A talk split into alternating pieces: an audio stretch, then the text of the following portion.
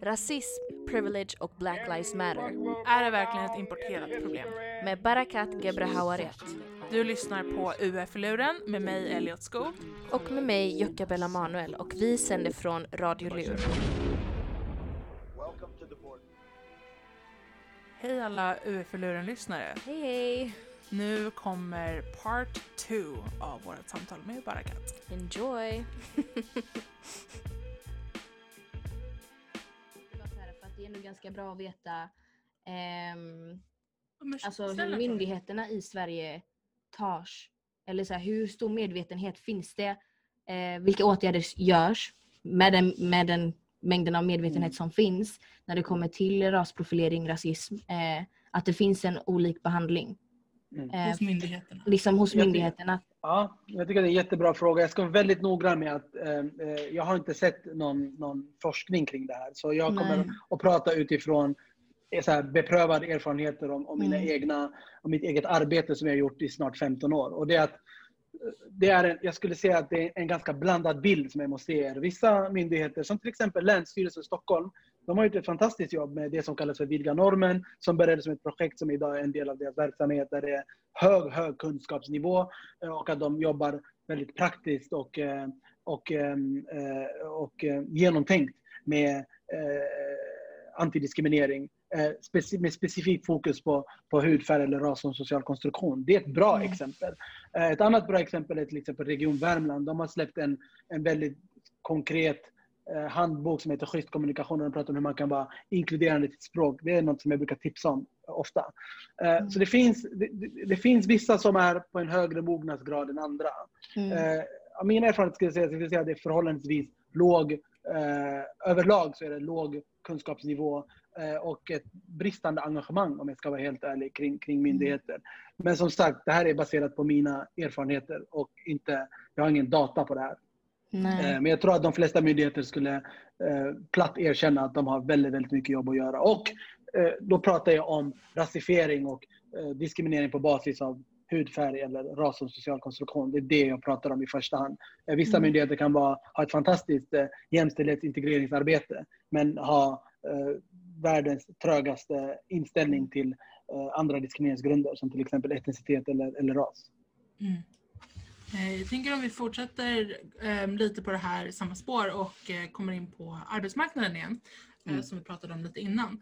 Ehm, det är ju jättemycket diskriminering på arbetsmarknaden alltså generellt.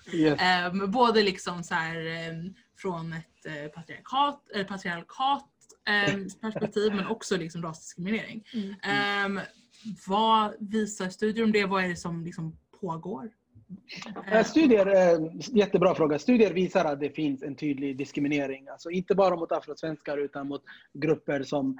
Det finns olika terminologi kring det. Med, synlig, eh, med eh, synliga minoriteter, människor med utomeuropeisk bakgrund. Eh, jag ser människor som rasifieras som icke-vita, som ett samlingsnamn. Eller människor som läser som invandrare, även om de är födda här. Eh, så finns det en tydlig... Eh, det finns flera rapporter under flera decennier egentligen som har, som har påvisat existensen av, av strukturell diskriminering. Den senaste som jag eh, ofta refererar till det är den här rapporten som togs fram eh, av Uppsala universitet på uppdrag av Länsstyrelsen, det vill säga det här Vidga normer-projektet, eller det är inte ett projekt längre, verksamheten, som kunde tydligt belägga liksom, förekomsten av antisvart rasism på arbetsmarknaden. Så det, den, den, den är ju det och den tittade som jag sa innan på både den vertikala och horisontella segregeringen, liksom att det sker både eh, inom ramarna för eh, vilka jobb, vilka eh, utrymmen som är öppna för afrosvenskar och vilka som är stängda helt enkelt. Eh, så eh, även om afrosvenskar kommer in på organisationen så är det svårt att få eh, jobb som motsvarar ens kvalifikationer eller att hamna på eh, eh, eh, chefspositioner eller andra typer av ledningsfunktioner. Så, att, eh, så vi vet att det existerar. För att besvara din fråga, vi vet att det finns. Det sagt så behöver vi mer forskning. Vi behöver mer studier och vi behöver eh, fler infallsvinklar för att förstå omfattningen och eh, problemet i all sin komplexitet helt enkelt. Mm. Förra säsongen så pratade jag med en eh, vet du en forskare, nej en professor ehm, i arbetsmarknad eh, inom eh, med kvinnor, kvinnors, arbetsmark- kvinnors Mm. arbetsmarknad under eh, årtionden.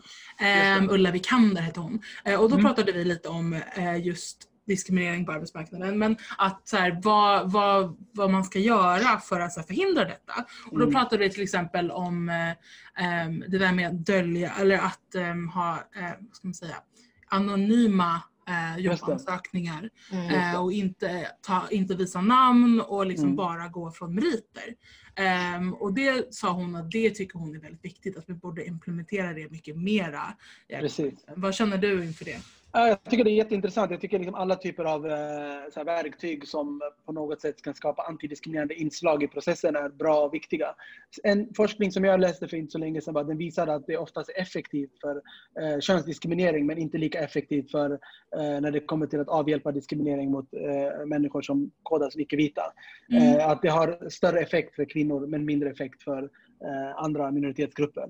På Eh, vilket sätt då? Eh, Jag minns inte exakt vad forskningen Nej. visade, men det var någonting i stil med att eh, eh, förr eller senare så kommer eh, man ju se personen i fråga och då finns Mm. det stereotyper som kan aktiveras i det sammanhanget.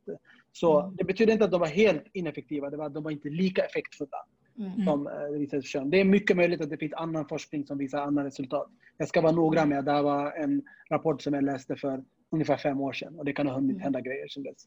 Jag tänker att det finns också andra nackdelar med att ha anonyma eh, jobbansökan kan vara att till exempel om någon är, eh, har ett brott, brottsregister eh, och Mm. nu kallas de till intervju, du får inte bara jobbet rakt av. Men att eh, det finns negativa effekter av det, att man inte Mm. kan söka upp Mm. personen och se att de är clean beroende på vilket jobb det är och så vidare. Mm. Så det finns ju negativa, Jag tänkte det på... låter som en jättebra idé. Mm. Eh, men som sagt, det finns också, den är inte så effektiv. Den har Mm. några Mm. Jag tänkte på delar som det behöver med, eh, jag pratade med det med mina eh, kompisar förut, att så här, ehm, jag har då ehm, kompisar som har så eh, utländskt kodade namn. Liksom. Mm. Och att då kom vi in på det samtalet att det kommer vara mycket lättare för mig att få jobb på grund av mitt eh, svenskt kodade namn, eh, Mm. efternamn eh, och deras eh, utländskt kodade namn. Eh, och det är ju också väldigt liksom, eh, allvarligt. Liksom. Alltså, Ja, ja, ja, bara på absolut. grund av ditt Eh, och sen så kan du komma, kanske du kommer till intervjun och så är du väldigt svenskkodad personligen men du kanske inte ens får den intervjun bara för ditt namn. Ehm, liksom. Ehm, Absolut.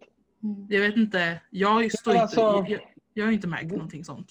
För Nej, jag exakt. har ett Jag- svenskkodat namn. Liksom. Så, Precis. På samma sätt som det finns många saker jag inte märker för att jag är snubbe och det finns många saker som inte händer mig och då är det svårt att se. Så jag brukar säga liksom, inom normkritik, liksom, vi, eh, ett av de här fundamentala misstagen vi gör är att vi tror att ett problem inte är ett problem för att det inte är ett problem för mig. Helt enkelt. Så eh, jag jobbar väldigt mycket med att förändra beteenden. Eh, Jag tror att även om man lägger in den här typen av åtgärder som jag tycker är viktiga, det ska man göra. Man ska ta in olika typer av så här, tekniska åtgärder som till exempel anonymisera jobbansökningar. Men i slutet av dagen så måste beteenden förändras. Vi måste eh, förstå att vi har eh, idéer som driver vårt beteende att en del av de här idéerna är rasistiska. En del av de idéerna är sexistiska. Och att det finns alltid en risk att vi översätter dem i handling. Det, det är liksom den, den största eh, käpphästen som jag, som jag har och som jag försöker driva. Att, att Mm. vi kan ha lagstiftning till exempel. Det här är så här lagstiftningsfrågor. En del lagstiftning behöver skärpas tycker jag. Men om man tittar på diskrimineringslagstiftningen så är den rätt så tydlig och rätt så skärpt. Och 2017 så kom man med en ännu striktare, hårdare lagstiftning. Men de kunder jag jobbar med, de är oftast inte ens medvetna om att det finns en diskrimineringslagstiftning. och att de många gånger inte ens har en likabehandlingspolicy och att de därför begår en olaglighet. Många gånger så är de inte ens medvetna om det. Så det är liksom, vi behöver jobba från olika håll och jag skulle säga att min styrka är inte att komma från lagstiftningshållet utan jag jobbar väldigt mycket med att försöka förändra beteenden eh, och eh, höja medvetenheten kring vad rasism faktiskt är. Ett stort problem vi har idag är att vi har en sån otrolig barnslig och naiv bild av vad som utgör rasism. Eh, Det är många som fortfarande kan säga saker som men jag är färgblind, jag ser inte färg. Och det, säger så här, det är som att jag skulle säga jag ser inte kön och sen tro att eh, eh, det är magiskt så försvinner patriarkatet. Mm. Eh, tvärtom, när du säger att du är färgblind så ser du att du inte ser rasism. Att du Mm. förnekar det faktum att vi lever i ett färgkodat samhälle. Mm. Och det hjälper ingen. Det hjälper mig minst. Mm. Så Eh, Det handlar om att förändra beteende men det handlar också om att eh, öka kunskapsnivån, alltså på riktigt. Att, Mm. att all, folk behöver förstå. En, en grej som jag jobbar väldigt mycket med och jobbar med det i, i förebyggande åtgärd, eh, i förebyggande syfte, det är att vi pratar väldigt mycket om arbetsmarknadsdiskriminering, det vill säga diskriminering på arbetsmarknaden. Men eh, en, en annan sak som är väldigt viktig och som kommer bli större och viktigare längre fram, det är diskriminering i arbetslivet. När det väl kommer in en kritisk massa av icke-vita kroppar så kan vi förvänta oss att de kommer bli utsatta för olika typer av diskriminerande åtgärder. Och det kan Mm. vara allt ifrån gaslighting till mikroaggressioner eh, till att bli, få höra saker som eh, jag ser inte färg eller Mm. på den här arbetsplatsen så har vi ingen rasism. Hur lämnar det den person som blir utsatt för rasism? Det vill säga att ingen erkänner förekomsten av din verklighet. Det är som att du inte existerar. Så det är jag som ser i syn och det skapar liksom stress och det skapar eh, dåliga arbetsmiljöer. Speciellt för de som drabbas av 99% så har de aldrig blivit utsatta för rasism. Jag bara, det är för att det finns ingen att vara rasistisk mot. Jag bara, testa när ni har 12% icke-vita här. Då kommer eh, den här statistiken förändras dramatiskt. Och det Mm. betyder inte att ni blir mer rasistiska. Det betyder bara att rasismen synliggörs på ett annat sätt eftersom ni har kroppar som faktiskt är måltavlor för en, Mm. en hel del rasism som tidigare har passerat förbi obemärkt. Eftersom man är i homogena rum. Alltså det är homogena rum som är en del av roten till problemet. Det är homo, homogena rum som tillåter att Acne släpper ut det som kallas för hudfärgade kalsonger. Därför att man utgår ifrån vita kroppar när man gör det. Ingen eh, stannar upp och säger så här, stopp, stopp, det här var ingen bra idé. Det här är bara vita, eh, hudfärgade kalsonger efter vita kroppar. Så eh, det finns en direkt eh, eh, korrelation. Den är inte biologisk och den är inte alltid statistiskt säkerställd, men det finns en korrelation mellan eh, liksom vilka som jobbar en arbets... Eh, eh, mångfald i alla dess former, stärker innovation, det gör arbetsgrupper mer kapabla och kompetenta att, att möta dagens komplexa behov. Så det här vet vi. Vi vet att det är en bra sak, inte bara av moraliska skäl, men vi vet också att det, en, att det finns ett starkt business case kring det. Men det är ändå någonting som gör att människor inte riktigt är motiverade att göra de här förändringarna. Och det är där man måste söka Mm. svaret. När vi pratar om förändringar, jag tror jag brukar också ställa mig väldigt eh, många gånger frågor om typ så här, jag som ändå vet att jag kan utsättas för rasism och har utsatts för rasism och eh, ja, det kan förekomma lite fler gånger än vad man själv inser att det har förekommit. Då tänker man så här, vad kan jag göra eh, liksom för att bidra till en bättre situation? För du pratar om att eh, det behövs förändras och det som skapats kan också skapas om. Ehm, så vad hade du sagt? Typ, så här, vad kan, för du är också en svart man, du har också gått igenom mycket. Eh, och det är till och med, exakt, så det, man ställer ju sig frågan ganska många tillfällen, så här, vad kan jag specifikt göra?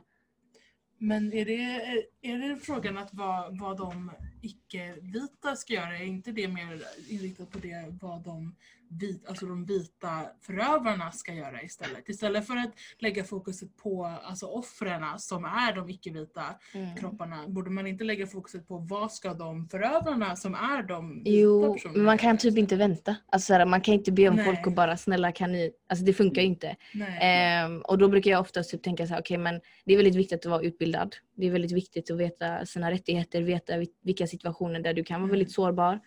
Ehm, men även så som du säger att folk eh, vet inte att det finns till exempel en eh, diskrimineringslag eh, och så vidare.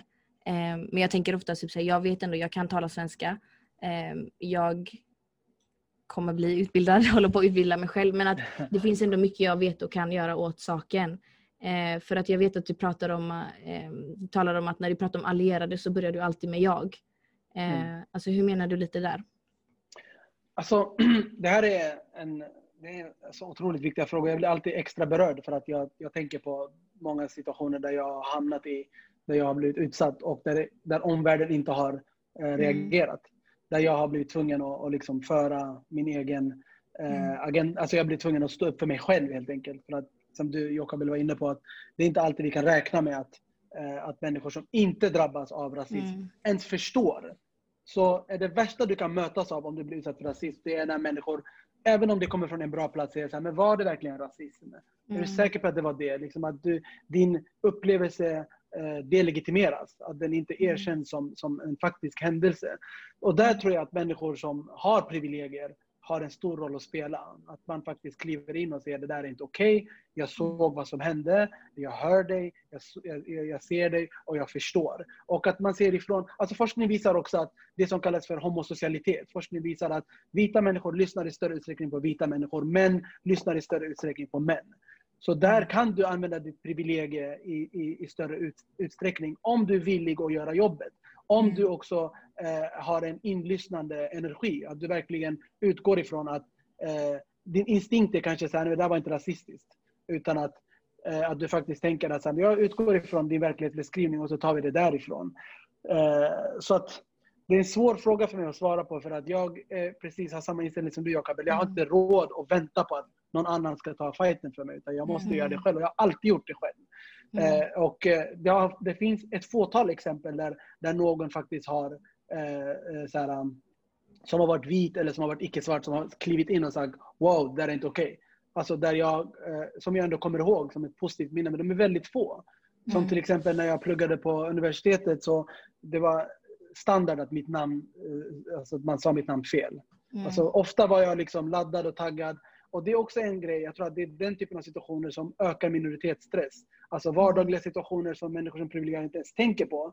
De kan vara de kan ha så förhöjd vaksamhet hos oss, vilket faktiskt leder till så biologisk för, så här, eh, att kroppen biologiskt förbereder sig för någonting.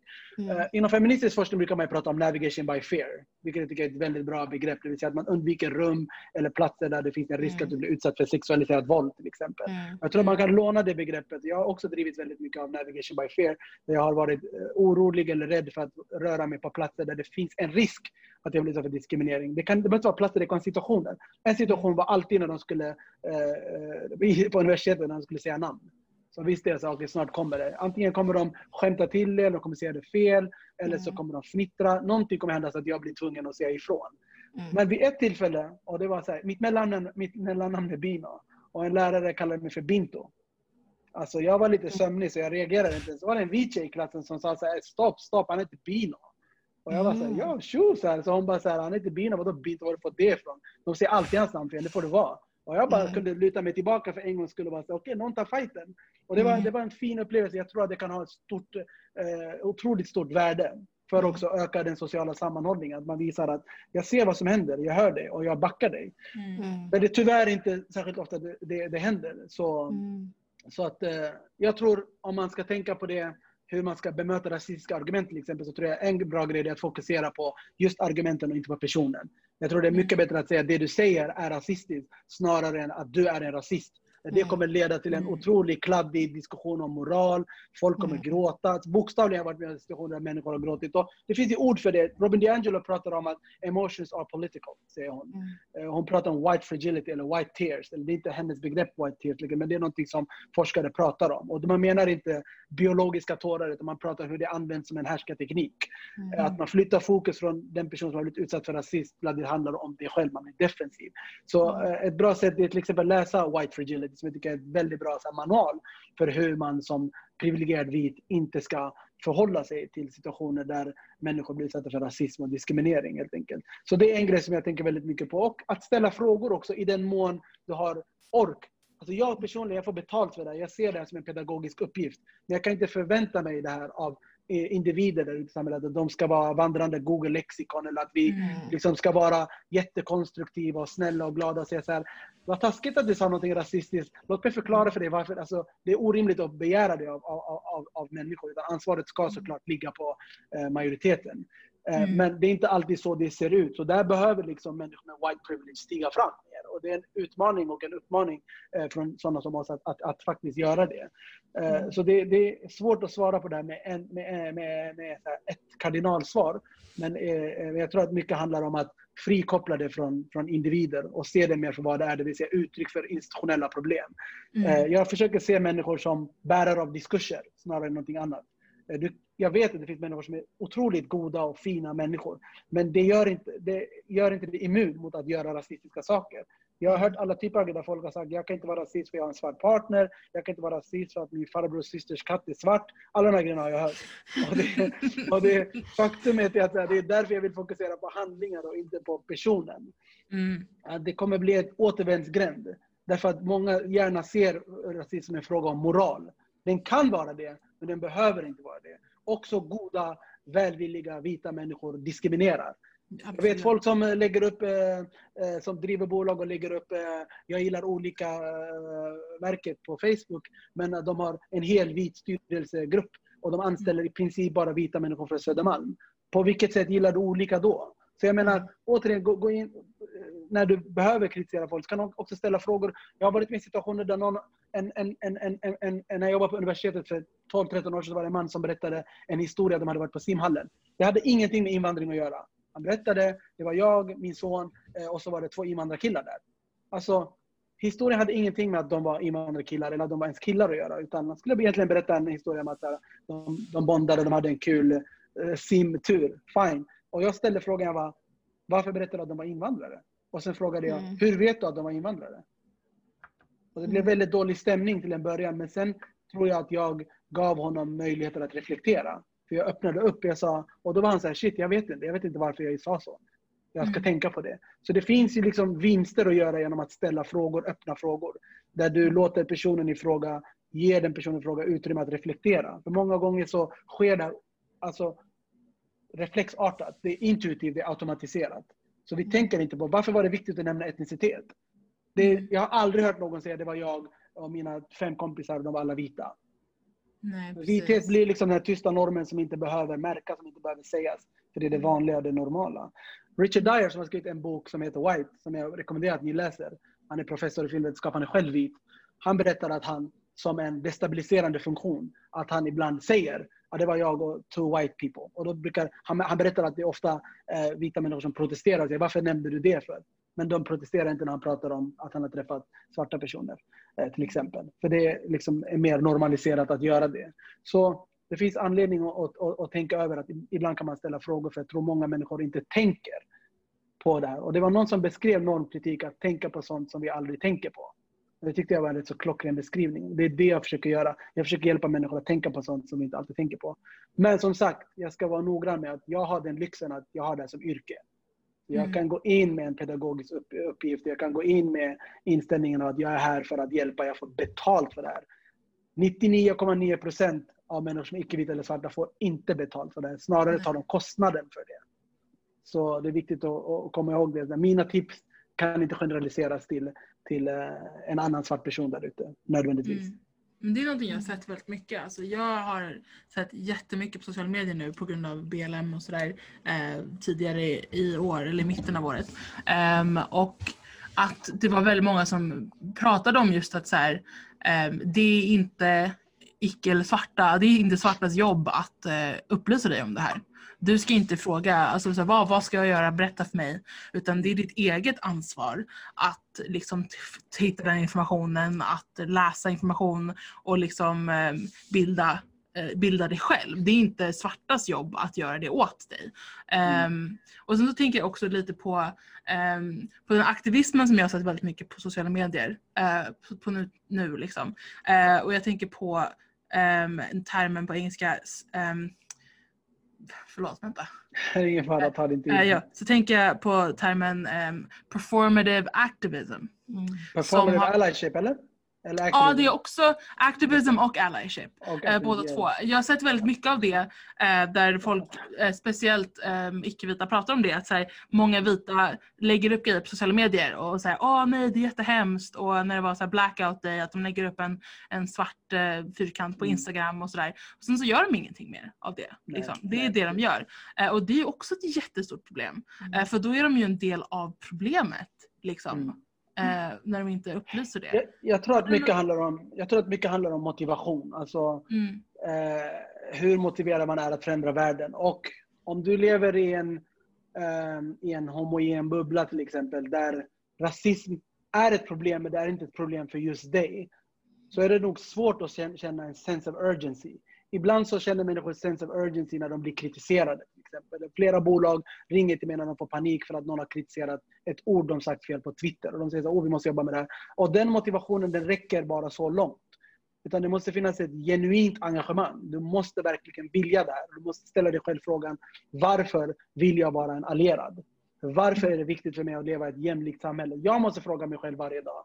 Varför lägger jag inte lika mycket energi på eh, att bekämpa sexism som jag gör att bekämpa rasism. Mm. Varför har jag inte alltid en intersektionell blick på mitt arbete?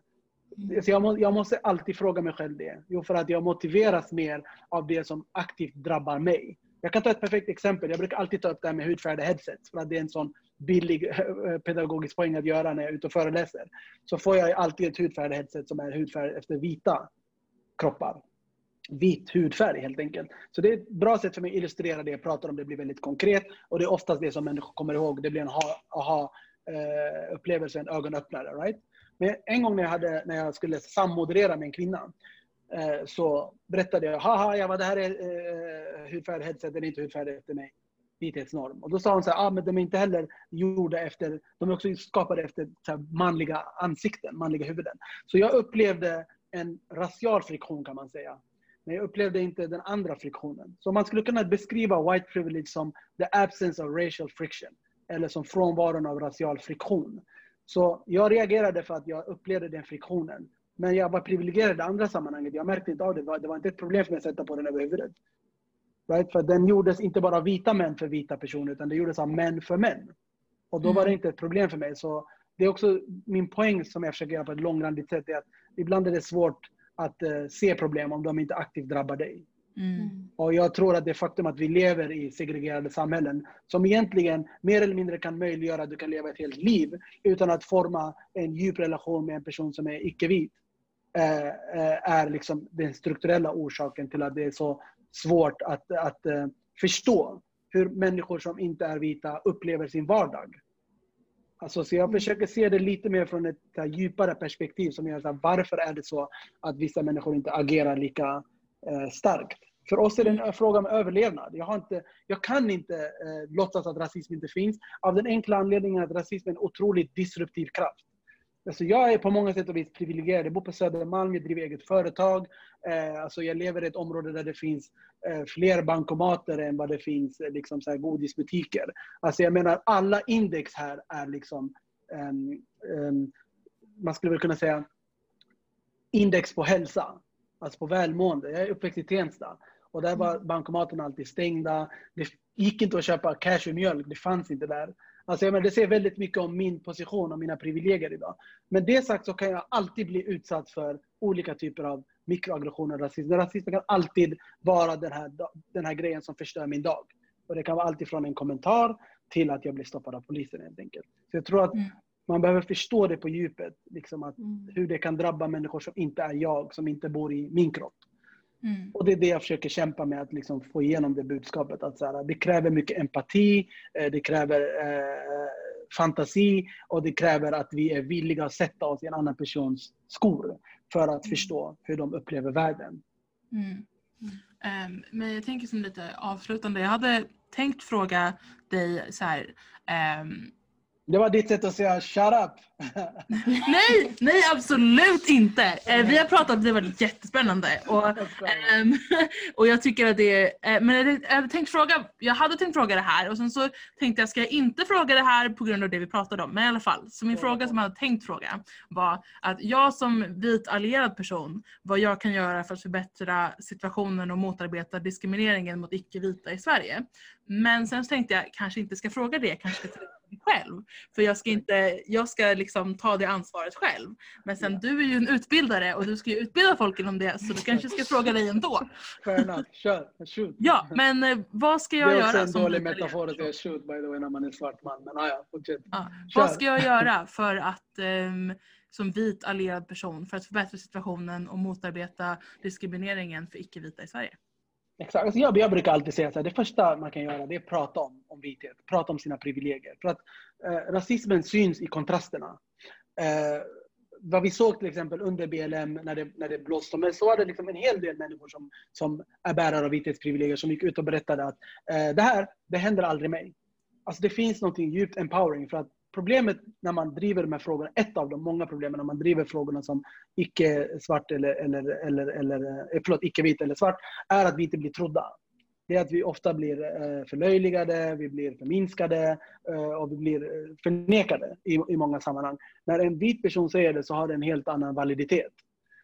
Och det också gör att man får en heltäckande bild av hur rasism fungerar rasism är ett system som skapar vinnare och förlorare. Så på det sättet är det djupt antimeritokratiskt. Och det är den berättelsen som jag tycker har fattats, men den börjar accelerera mer och mer, speciellt efter BLM. Det att vi börjar prata mer om hur är det egentligen att uppleva Sverige som en person som bor i en vit kropp? Jo, eh, vi, man kan ha en massa problem. Man kan vara utsatt för eh, diskriminering på grund av kön, sexuell läggning, eh, klassbaserat förtryck. Allt det där, inte bara att man kan, det händer. Men att vi måste konstatera att du kommer aldrig bli negativt särbehandlad på grund av din hudfärg som vi. Mm. Det är inte ens, det betraktas inte ens som en hudfärg och det är så normer fungerar. Man pratar om människor som färgade utifrån en position av att vit är en ofärgad, neutral, normal position. Alltså bara synliggöra eh, eh, att jag blivit utsatt för rasprofilering av polisen. Det finns något stärkande i det, liksom att man är medveten om sina privilegier och att man har Robin DiAngelo brukar prata om racial stamina, att man skaffar sig mer racial stamina för att orka prata om den. För jag vet att det kan vara emotionellt utmanande att göra det. Det kan vara jobbigt att ställa sig och säga så här, jag är en person, jag har vithetsprivilegier. Det är inte heller en mysig grej att göra. Mm. Det betyder inte per, per definition att du är en dålig person. Det betyder bara, det är en systemkritik snarare än kritik mot individer. Helt enkelt. Så jag tror att det är första starten, liksom, att, att, att, att uh, göra det, att kunna prata om det och att, uh, att ge liksom, legitimitet till våra berättelser. Det känns tragiskt att säga det, men det, det behövs. Liksom. Alltså, det, Mm. din röst väger tyngre än min eh, Mm. under det specifika maktförhållanden som vi lever i idag. Så är det så. Och målet är att ändra på det, men att det gör mycket när man faktiskt bara berättar att eh, jag har vithetsprivilegier, de här sakerna händer inte mig. Eh, Mm. och så. Alltså legitimitet också av våra, eller folks eh, upplevelser gör ju också att man eh, kan kräva åtgärden. Eh, blir enklare att kräva åtgärden eller kräver att något ska utredas eller så. Det är ju den här legitimiteten som inte finns som gör att det blir svårare att ändra någonting. Eh, för att det finns inte ett erkännande hos de som utövar denna privilegium. Så det Mm. Mm. tycker jag är väldigt bra. Eh, men jag tänker lite så här eh, avslutande. Du, ehm, har du några förslag på grejer som man kan läsa eller lyssna på eller eh, kolla på eh, för att utbilda sig inom det här problemet eh, för våra lyssnare ifall de vill liksom utbilda sig ännu mer inom det här? Exakt, och jag tycker det var jättebra. En annan sak man kan göra det är att ta ansvar för att utbilda sig själv också. Och att det finns en massa olika resurser där ute. En del av det är gratis, en del av det kostar. Eh, eh, eh, när det kommer till podd, jag skulle rekommendera alla att lyssna på Code Switch. En av de bästa poddarna som handlar om ras och ras. Ni kanske känner till det redan. Eh, jag skulle också lyssna på eh, The Daily. De brukar ta upp eh, frågor som, som handlar om eh, rasism och ras i olika avsnitt, även om det inte bara är det det handlar om. Det finns... ehm, vad finns det mer? Vad finns det mer? Det finns Låt oss prata om rasism som Forum för levande historia har. Eh, Vidga normen har en podcast som jag tycker är bra. Så det är Mm. några bra podcaster att börja på. Det som är bra med podcast är att man kommer få tillgång till andra. Och sen the usual suspect, eh, Raseriet-podden och följa Mm. en massa människor ute på sociala medier som gör ett bra jobb. Och det är allt ifrån typ Salem Johannes som jag tycker är ett väldigt bra jobb kring eh, Mm. eh, Göteborgs stads arbete mot, mot rasism. Eh, det finns såklart Lovette. Det finns många, jag kommer säkert glömma en massa. Om USA så finns det The 13th som är väldigt bra. Och andra. Jättebra.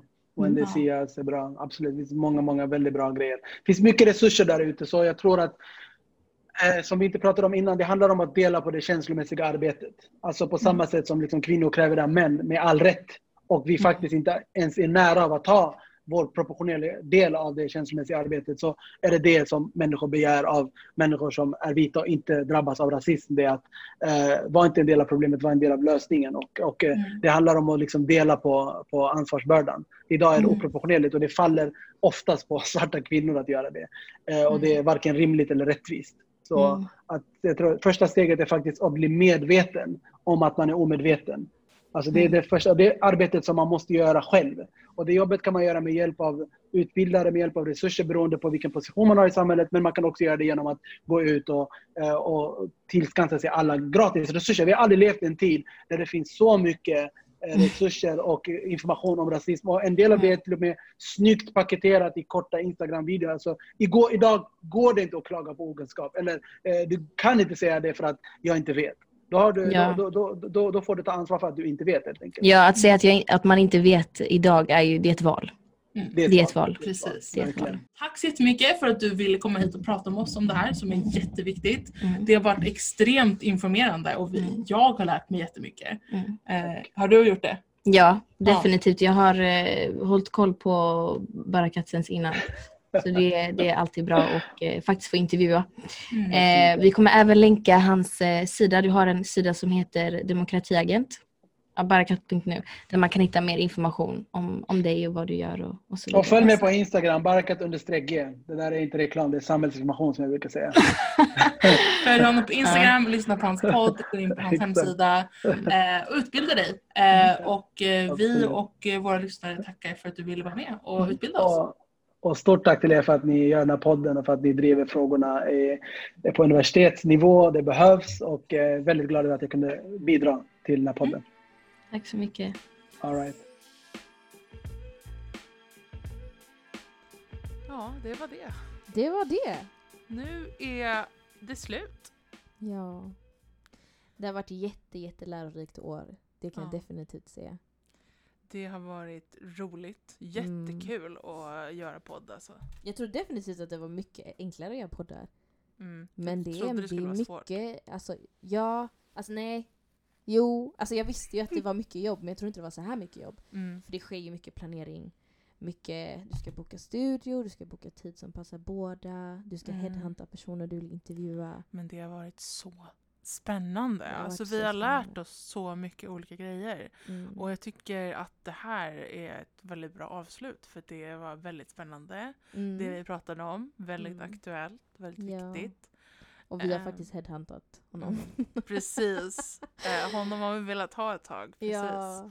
Ehm, men ehm, ja, det, för er är det ju inte slut för att eh, ni kommer kunna fortsätta lyssna på UF-luren. Men Ja. för oss så är det slut för Mm. att ehm, eh, nästa avsnitt som ni kommer att lyssna på är med Elin, den nya podcastkoordinatorn. Mm. Så Och hon är så duktig. Jag känner verkligen Mm. att vi lämnar det här. i goda Alltså, händer. I goda händer, exakt. Mm. Men det har varit så roligt att få vara podcastkoordinatorer för Utrikespolitiska föreningen i Växjö. Mm. Och att få vara med i styrelsen i helhet. Och Eh, tack till alla er som har lyssnat på oss. ja. Eh, vi... Det här är inte slutet av oss dock. Nej, Jag tycker du ska skaffa en podd. Och jag ska skaffa en podd i framtiden också. det, ja, jag har tänkt på det. Mm. Ehm, ja, men vi får se. Mm. Eh, men följ mig på Instagram eh, på at um, Elliot in the Woods. Ehm, så får vi se om ni vill lyssna mer på min röst. Ja. Eh, lite så här shameless advertising. ja. Så tack till alla som har lyssnat och eh, ja, vi önskar att vi har providat er med bra information, ny Mm. information. Eh, och så lämnar vi över det till den nya. Ja. Ha det så bra. Hej då! Hej då!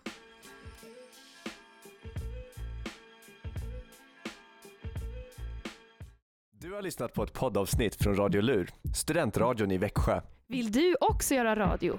Gå in på radiolur.com.